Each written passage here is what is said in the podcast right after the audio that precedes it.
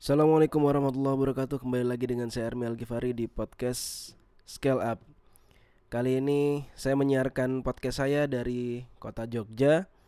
Kebetulan ini malam saya sedang packing untuk menuju ke Makassar Setelah mengisi acara Jogja Digital Marketer Summit and Expo. Cukup luar biasa dan malam ini saya agak nganggur.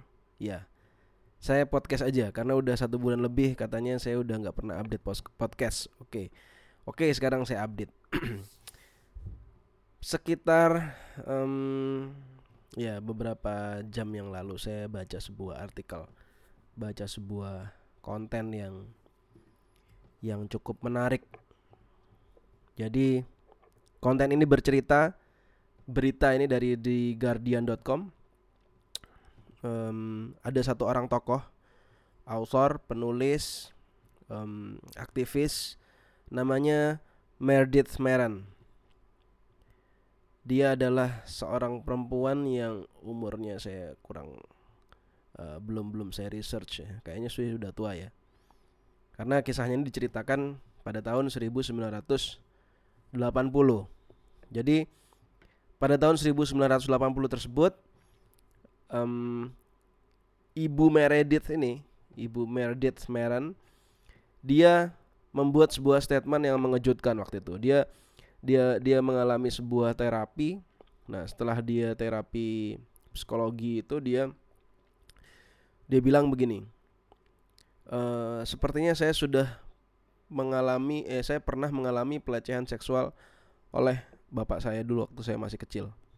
Jadi dia bilang bahwa dia tiba-tiba teringat karena sebuah terapi psikologis tersebut.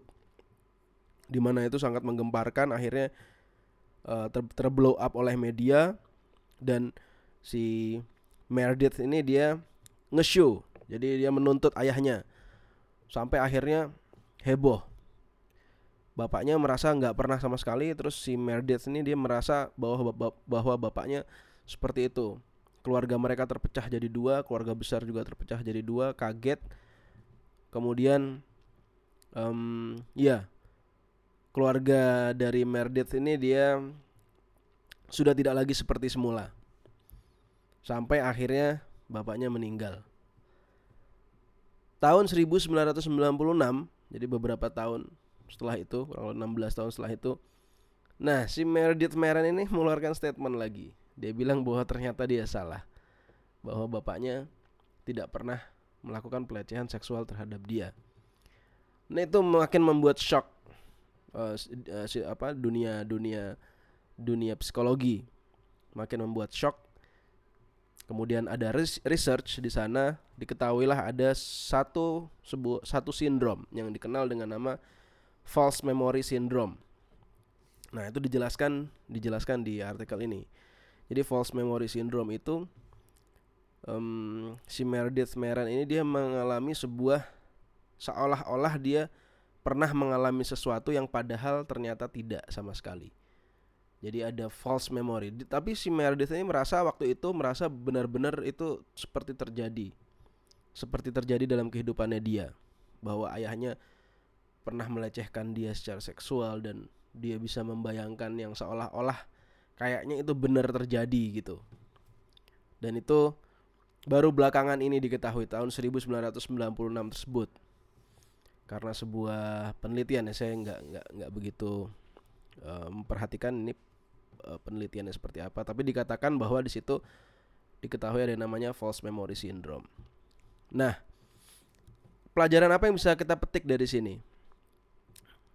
Yang pertama yang bisa saya bagikan adalah satu hal besar bahwa otak kita itu selalu mengalami sesuatu yang disebut misleading.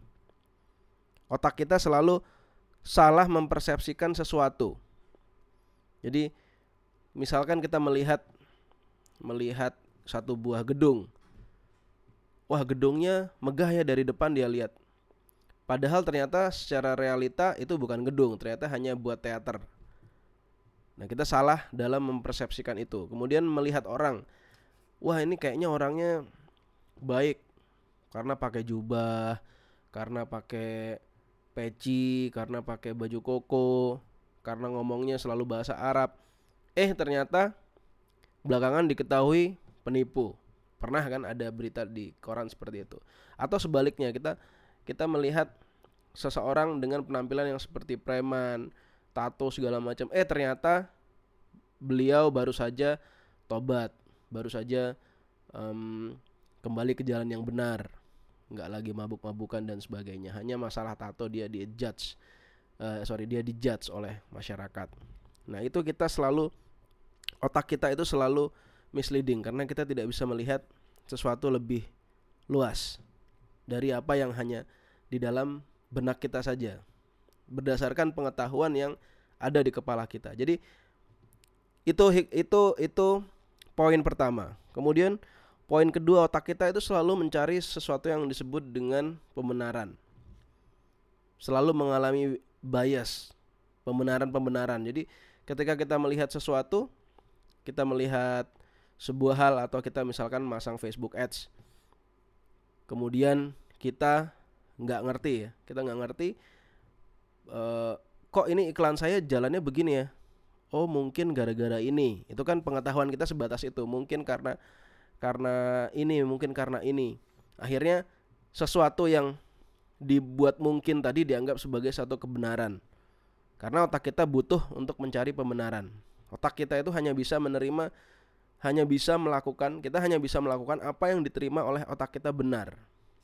Nah, sedangkan kalau kita nggak ngerti mana yang benar dan mana yang salah, akhirnya kita membuat sebuah e, timbangan kebenaran tersendiri, di mana berdasarkan pengetahuan kita saat itu, dan itulah yang terjadi di otak kita yang akhirnya membuat orang ada yang ada yang arogan, ada yang misalkan um, memaksakan kebenarannya dia dalam arti misalnya masang iklan Facebook Ads. Menurut saya nih kalau iklannya dimatikan setiap satu menit misalkan, dimatikan kemudian dinyalakan lagi, dimatikan lagi, nyalakan lagi, dimatikan lagi, dinyalakan lagi, itu e, bener ini yang paling cocok buat saya misalnya. Padahal itu nggak ada referensinya sama sekali. Nah itulah yang disebut dengan otak kita selalu mencari pembenaran.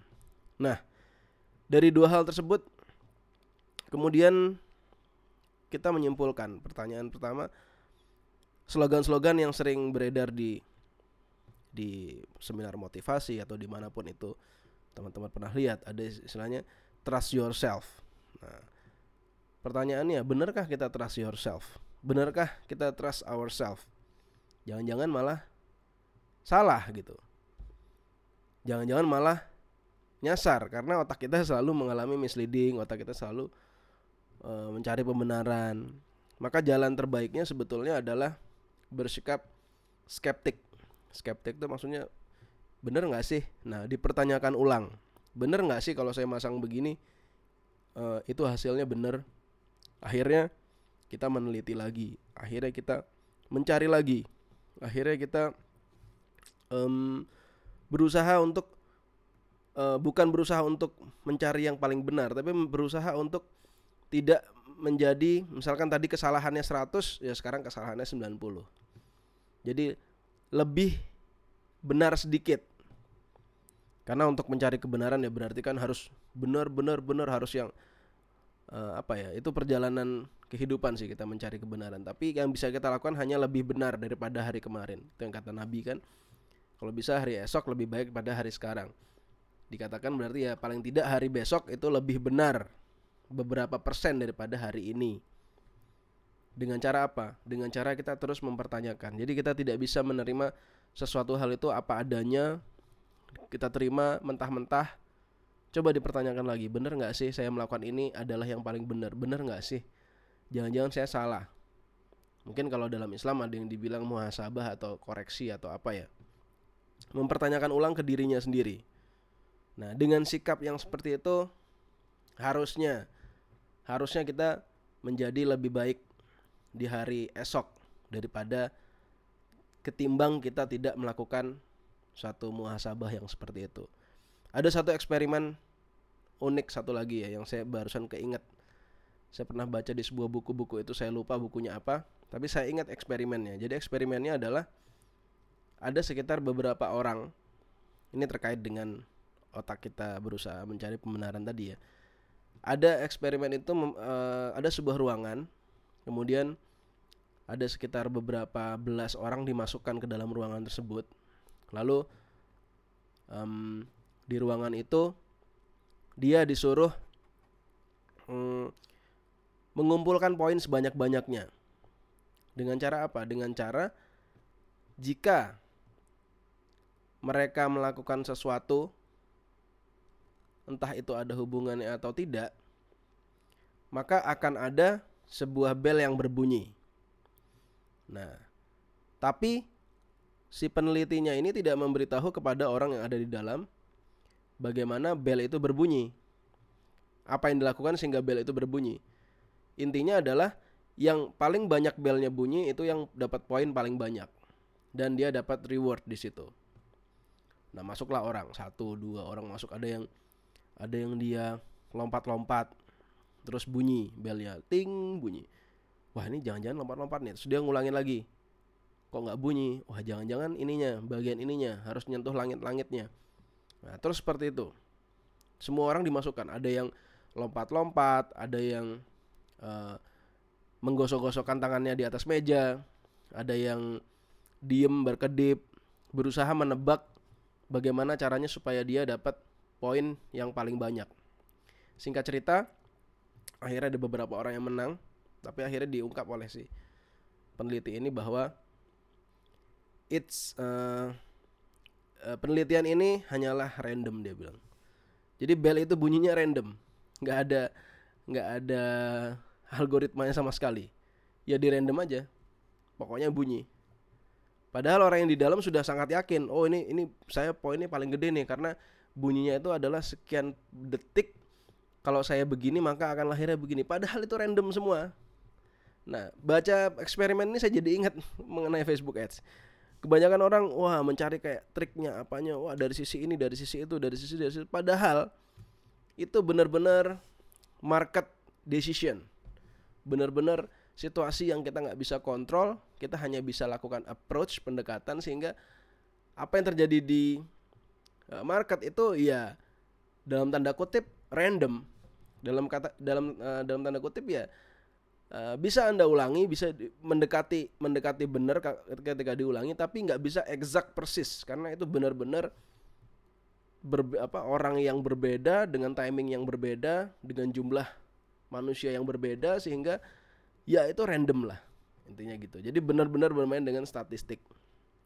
Nah itulah yang yang terjadi. Jadi hikmahnya balik lagi tadi kita nggak usah terlalu banyak nggak usah terlalu banyak apa membuat sebuah pemahaman-pemahaman yang um, apa ya mengunci diri kita sendiri. Terlalu percaya terhadap satu konsep-konsep tertentu misalnya oh dengan cara Facebook Ads yang seperti atau jangan-jangan kita perlu pertanyakan jangan-jangan saya nggak cocok dengan Facebook Ads? Nggak apa-apa. Mungkin uh, mungkin kita lebih enjoy dengan yang lain. Ada nggak sih uh, traffic source yang lain misalkan? Atau AdWords atau SEO atau traffic yang lain atau traffic offline segala macam. Sehingga membuat kita akhirnya terus berkembang berkembang berkembang maju. Bisnis kita yang sekarang bener nggak sih bisnis saya sekarang ini sudah sudah berada di jalan yang benar? Mungkin ada yang salah dikoreksi lagi. Oh ya bagian ini yang salah. Jadi makin hari makin bener makin bener makin bener makin uh, sedikit salahnya makin sedikit salahnya terus maju terus maju terus maju. Dan nggak perlu membuat sebuah pembenaran-pembenaran yang akhirnya membuat seperti kita berada di penelitian tadi yang kita seolah-olah kayak sedang riset sesuatu padahal itu sebenarnya adalah random.